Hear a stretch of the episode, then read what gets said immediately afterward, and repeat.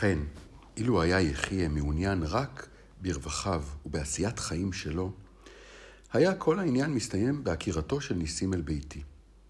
אבל יחיה היה נוקם ונותר, וכן הקפיד על כבודו לא פחות מאשר על רווחיו. פעם נשבע באוזני בני חבורתו שישבור את הראש לניסים, וגמר בליבו לא לשקוט ולא לנוח עד אשר יוציא אל הפועל את מזימתו. הוא אהב מאוד את קרבות הרחוב שערכו הנערים בשכונה, ולא זו בלבד שלא שמח שעם עזיבתו של ניסים נפטר מאויבו הראשי, ויכול ביתר שקט לעסוק בעסקיו, אלא אדרבה, האויב הזה שיכול להתמודד איתו, היה חסר לו. ולכן החל לחפש את ניסים בכל העיר.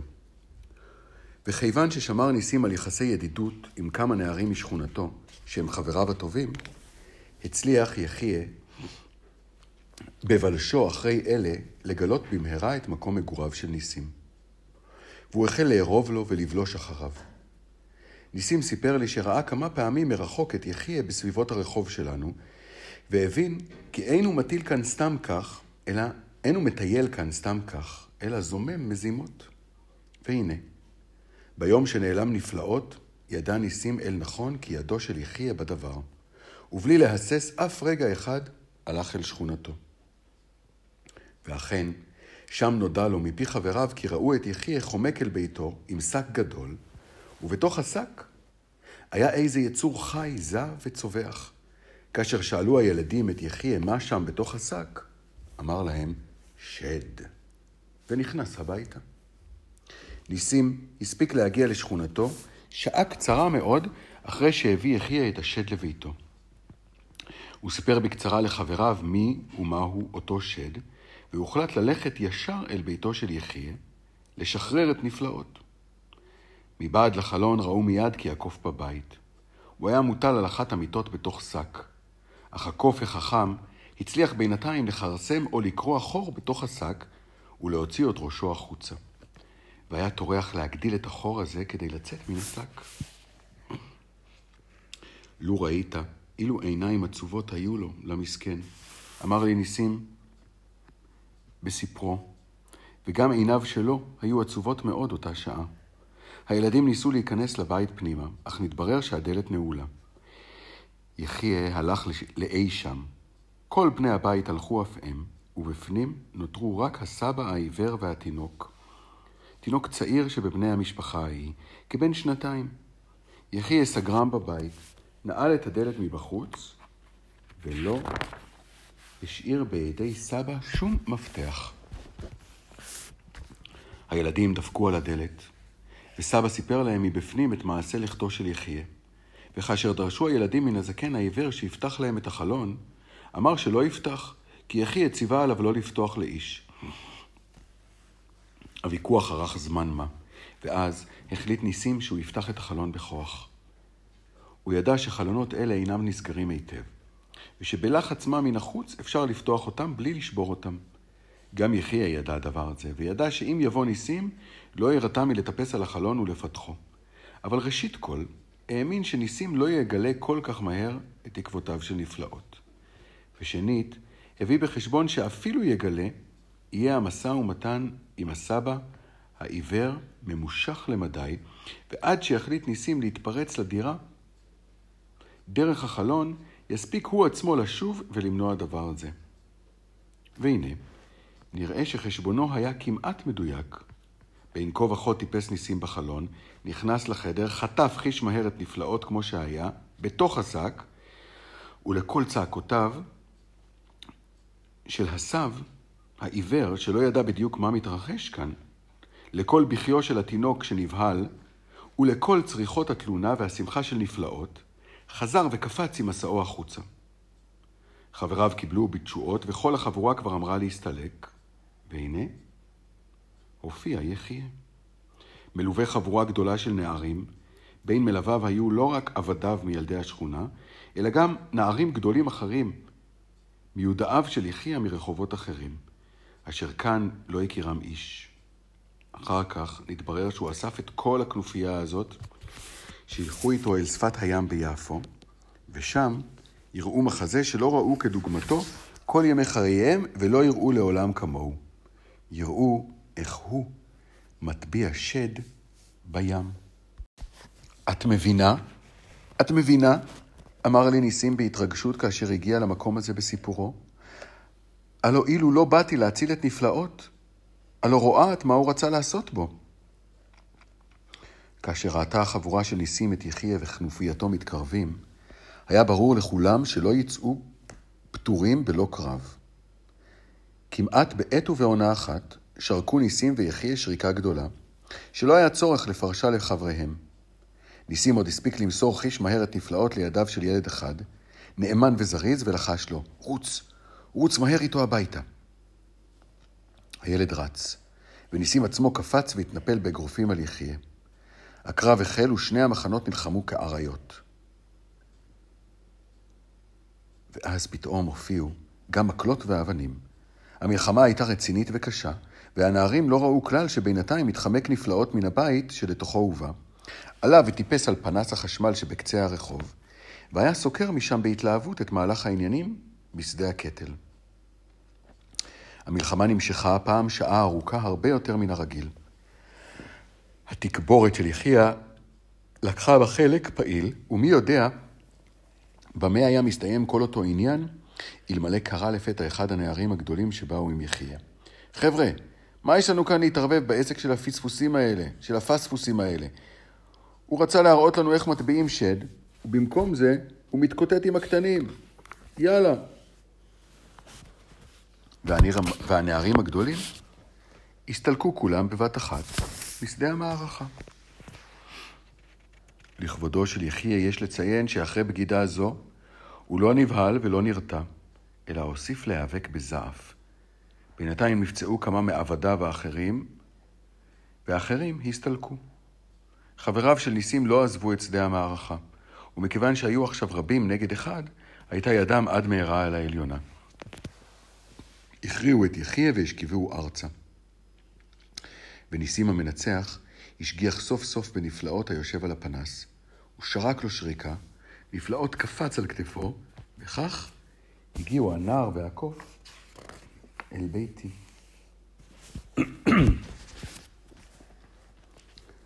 זה הסיפור ששמעתי מפי ניסים, ואחרי ששמעתיו עלה רעיון אחד בליבי, אשר לא גיליתי אותו לניסים. לא ידעתי אם הוא יסכים איתי, ויש עניינים בחיים אשר בני אדם צריכים לעשותם ולא להשעותם על ידי ויכוח.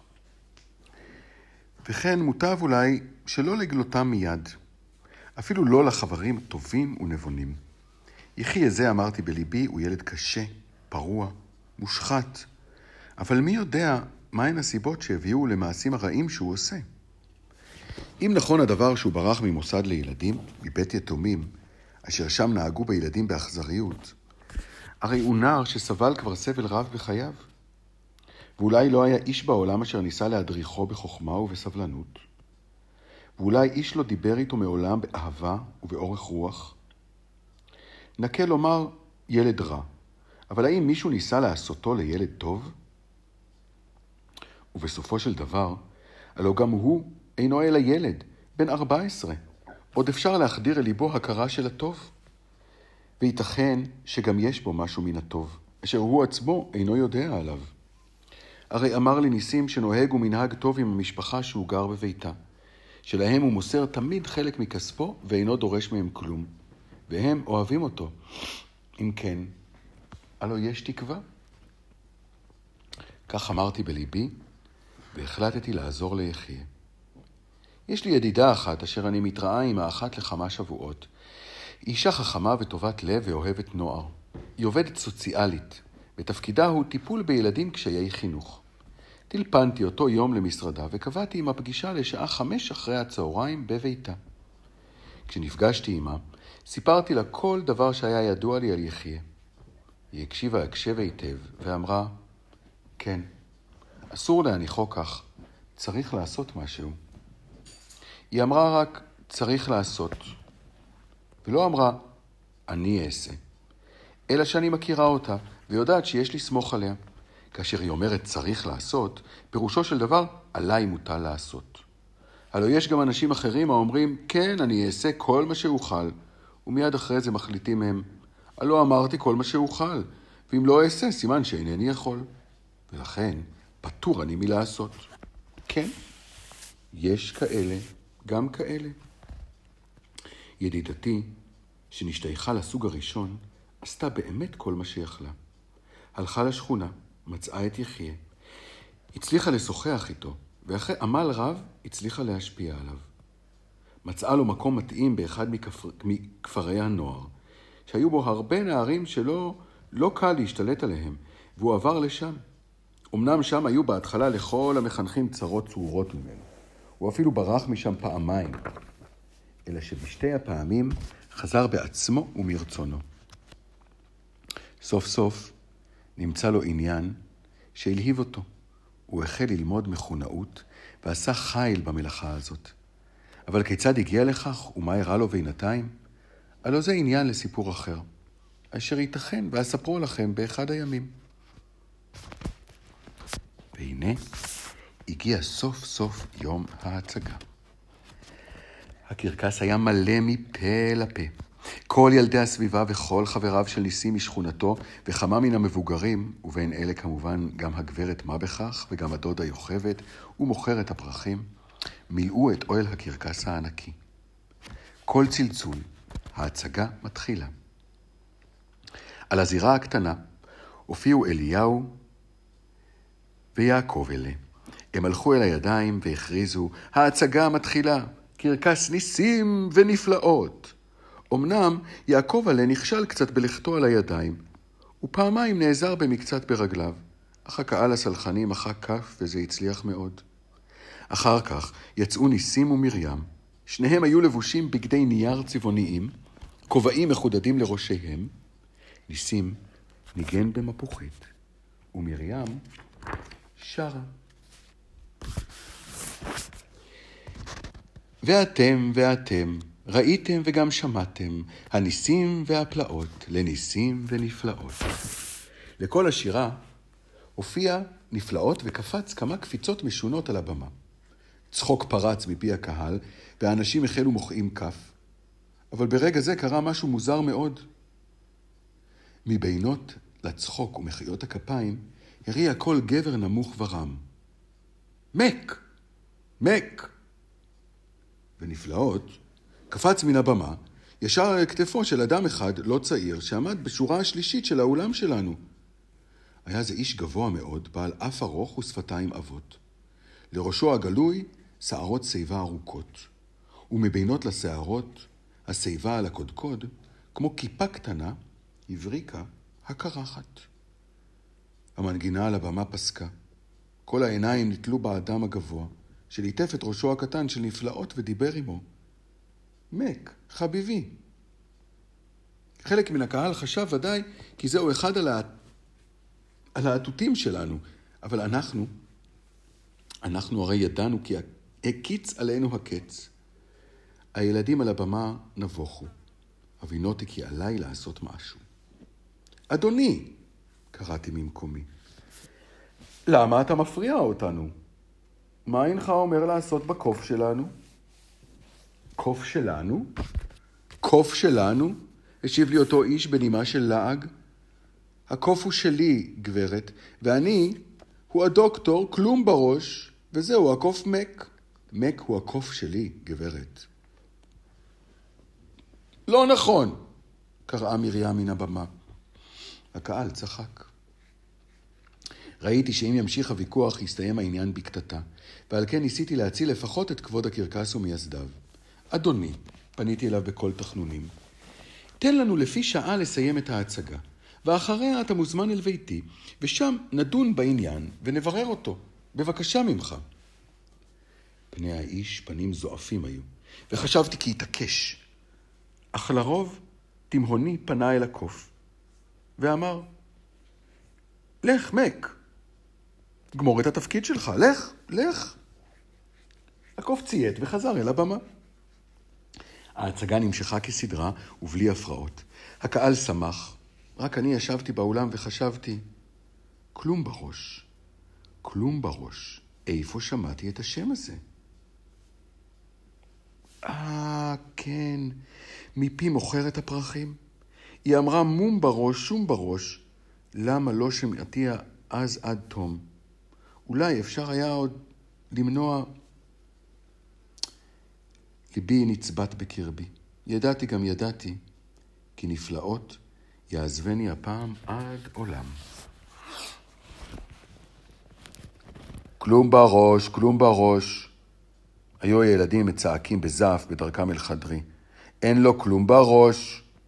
כשנכנסתי אל חדרי, הזמנתי את אורחי לשבת. דוקטור כלום בראש ישב בכורסה הגדולה, והילדים, עייפים ממשחקי הקרקס, רבצו על המחצלת. אני מצאתי לי מקום בפינת הספה, ונפלאות ישב על כתפו של הדוקטור כלום בראש. הסתכלנו בפניו של האורח. לעצם העניין, פניו היו פנים נעימים למדי. ואלמלא בא אלינו כדי לגזול מאיתנו את נפלאות, ודאי היינו יכולים לאהוב אותו. כלום בראש, אין לו כלום בראש, זמזמה מרים בלי הרף. רגע אחד, גברת צעירה, פנה הדוקטור כלום בראש של מרים. עליי להאיר את אוזנך, כי שמי אינו מתפרש על הדרך שאת נקטת.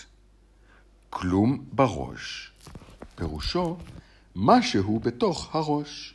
כי המילה כלום אין פירושה לא כלום. כלום, גברתי הצעירה, אין זה כל עיקר, לא שום דבר, אלא שום דבר אינו דבר מה. הפירוש הנכון אפוא, הלא הוא ההפך הגמור מזה שלך, אבל נניח לשמי. אני לא באתי הנה להתווכח על נושא בלשני זה. באתי לקחת מכם את קופי מק. חיפשתיו זה שבועות אחדים, ושמח אני שמצאתיו סוף סוף. אחרי תוכלו לשער בנפשכם שדווקא ההכרזה האחרונה הזאת לא הייתה עשויה להג... להרגיע את מרים. כנראה אינך יודע לקרוא עברית, התריסה כלפי הדוקטור כלום בראש. הייתה מודעה בעיתון על הקוף שלך.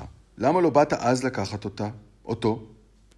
אינך צודקת, גברתי הצעירה, אמר, אמר הדוקטור כלום בראש בשקט.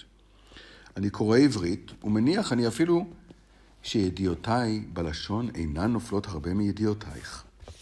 אך עליי להודות, ביום שבו אבד מק, לא קראתי עיתונים.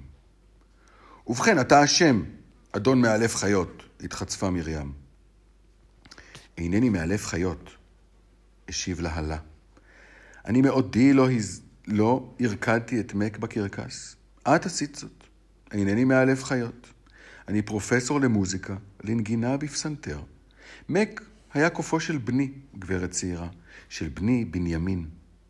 מק בא איתנו מארץ רחוקה. הוא חי בביתנו הרבה שנים, אנחנו אהבנו אותו, אבל בני חלה ומת. וביום מותו ברח מק מביתי.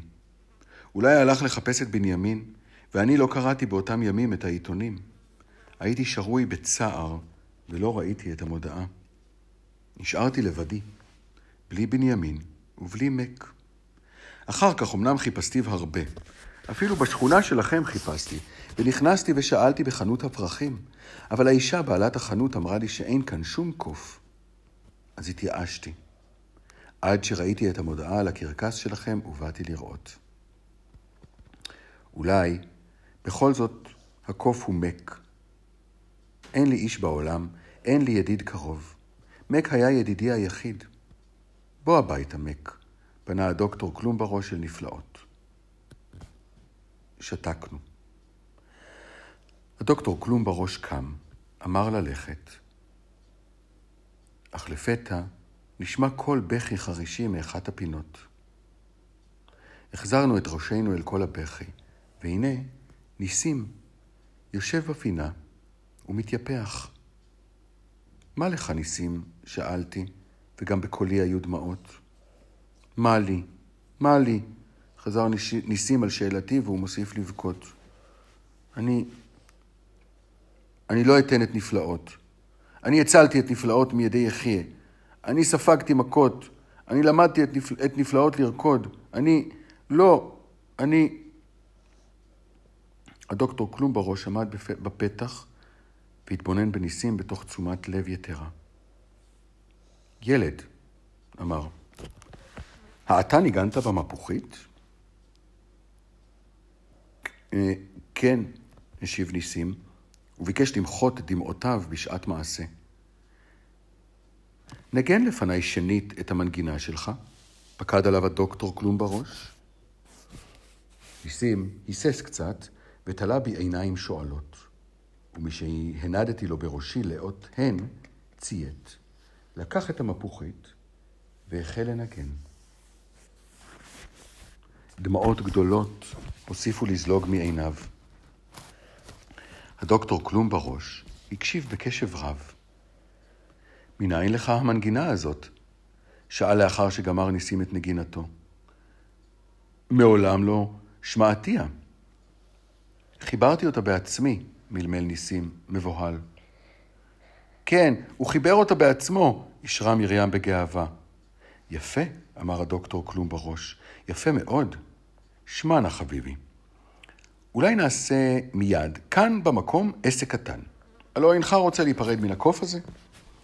כשהזכיר הדוקטור את עניין הקוף, קדרו שנית פניו של ניסים, אשר החלו כבר להתבהר למשמע שבחי נגינתו.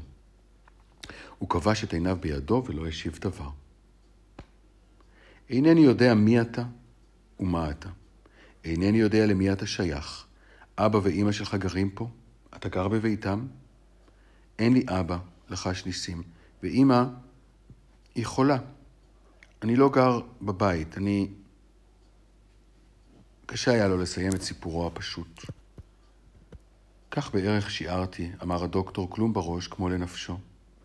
ובכן הקשב, הרי אמרתי לכם קודם שאני מורה לנגינת פסנתר. אילו היית מסכים ללכת איתי, לגור בביתי וללמוד כל מיני דברים, הייתי מלמד אותך לנגן. הפסנתר שלי מתגעגע לילד מוכשר וחרוץ, אתה מבין? והבית שלי ריק ועצוב. היה לי בן, בנימין שמו. הלא סיפרתי לכם, גם הוא היה מנגן. האם מסכים אתה ללכת אליי? ניסים עצר את נשימתו. הוא הביט בי. הביט בדוקטור כלום בראש, ונשך את שפתו התחתונה. ראיתי היטב כיצד הקסימה אותו המילה פסנתר, אבל במקרים כאלה לא נקל להחליט החלטה על רגל אחת. יש לי אח קטן, אליהו, אמר ניסים לאחר שתיקה ממושכה. וכי חושב אתה שאשליך את אחיך הקטן החוצה? השיב הדוקטור כלום בראש כמעט ברטינה. אם תרצה, נמצא מקום בביתי גם לאח הקטן. שוב חזרו ונתלו עיניו של ניסים בי. נועץ היה בי את עיניו הגדולות בשאלה קשה ונרגשת, כחושש לגרום לי צער. אך אותה שעה עצמה הייתה נשקפת ממבטו גם התשוקה לפסנתר. עשה כרצונך, ניסים, אמרתי. ההצעה היא טובה עד מאוד. שקול בדעתך. עליך להחליט. ניסים היסס שעה קלה, לבסוף נעתק ממקומו. אחר כך הלך אל הדוקטור כלום בראש, ועמד מימינו. אחריו הלך גם אליהו. הילדים התבוננו בהם, שותקים. אך על שפתיים רבות כבר היה חיוך. עכשיו אני שוב הדוד, הדודה של שום איש, ניסיתי להתלוצץ. אין דבר, קראו הילדים בבת אחת. אל תהיי עצובה. אנו נבוא אלייך בכל יום. את הדודה של כולנו. את הדודה של השוקולדה, אמר יעקב עליה חגיגית. ובכלל, העירה מרים בכובד ראש, שום איש זה כמו, כמו כלום בראש. שום איש בעברית זה איזה איש שהוא זה מישהו. יש לך תפיסה טובה, אמר הדוקטור כלום בראש, ופתח את הדלת. מרים קרבה אליו, נבוכה ואמרה, אני, אני רק רציתי להגיד שזה באמת היה לא נכון. אתה לא איש שאין לו כלום בראש, אתה האיש שיש לו כלום בראש. והם הלכו. וכאן ילדים, אנחנו מגיעים לפרק האחרון, לסיום של הספר. לפני כשבועיים ביקרתי את ניסים בביתו החדש. בבית הדוקטור כלום בראש. זהו בית קטן, מוקף גן, בית לבן ועליז מאוד. הדרך אליו רחוקה קצת. הוא מחוץ לעיר וצריך לנסוע בשני אוטובוסים. כשניגשתי אל הבית שמעתי קול נגינת פסנתר. הקשבתי רגע. אחר כך נגעתי בזהירות בפעמון הדלת. אישה שחרחורת צעירה ויפה פתחה לי את הדלת, ובטרם מספיק לדרוש בשלומה, זקפה בי מבט רהוט ואמרה, אוי, את בת בוודאי אל ניסים, אני יודעת, הוא סיפר לי עלייך כל כך הרבה. אני אימא של ניסים, גם אני גרה פה. אני מנהלת כאן את משק הבית. עכשיו, אנחנו משפחה גדולה. ואת כבר בריאה לגמרי? שאלתי. ברוך השם, ענתה האישה. וניסים? ניסים מנגן עכשיו, לחשה לחש של יראת כבוד. היא פתחה חרש חרש את הדלת, וראיתי את ניסים יושב אצל הפסנתר ומנגן בשקידה רבה. כל כך שקוע היה בנגינתו,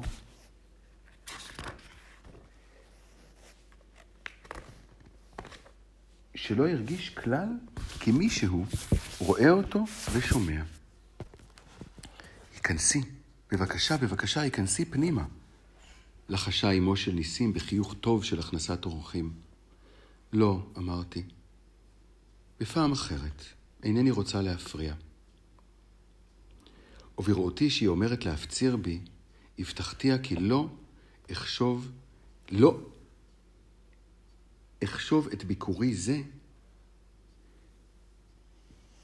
לביקור, וכי באמת אשוב במהרה. שאלתי אותה לשעה המתאימה ביותר, והבטחתי שאעמוד בדיבורי. חזרתי הביתה, ובליבי שמחה. שמחה רבה מאוד וצער מעט. רק טיפ-טיפה. מעולם לא נראה לי חדרי ריק כל כך. מעולם לא נראו לי עציצי הקקטוסים שלי עלובים כל כך. מיותרים עד כדי כך. מעולם לא הרגשתי במידה כזאת שאני הדודה של שום איש. ישבתי על שולחן הכתיבה והרכבתי את משקפיי. גיליון נייר לבן פרוס לפניי. אך הפעם לא ציירתי מפלצות על הנייר הלבן. כתבתי בראש הגיליון את המילים ניסים ונפלאות. אולי, חשבתי בליבי, אולי כדאי לספר להרבה הרבה ילדים את קורותיהם של שני ידידיי, של ניסים ונפלאות. הרי כאשר אני מספרת סיפור לילדים, הם יודעים, וגם אני יודעת, שאני אינני הדודה שלהם. לא, איך אמר ניסים? לא דודה, אלא החברה של כולם. ובזה הסתיים סיפורנו, ילדים יקרים. אני רוצה לאחל לכם קיץ מקסים, עם הרבה חוויות ושמחות, ועוד הרבה הרבה סיפורים יפים וטובים. נתראה בסיפור הבא.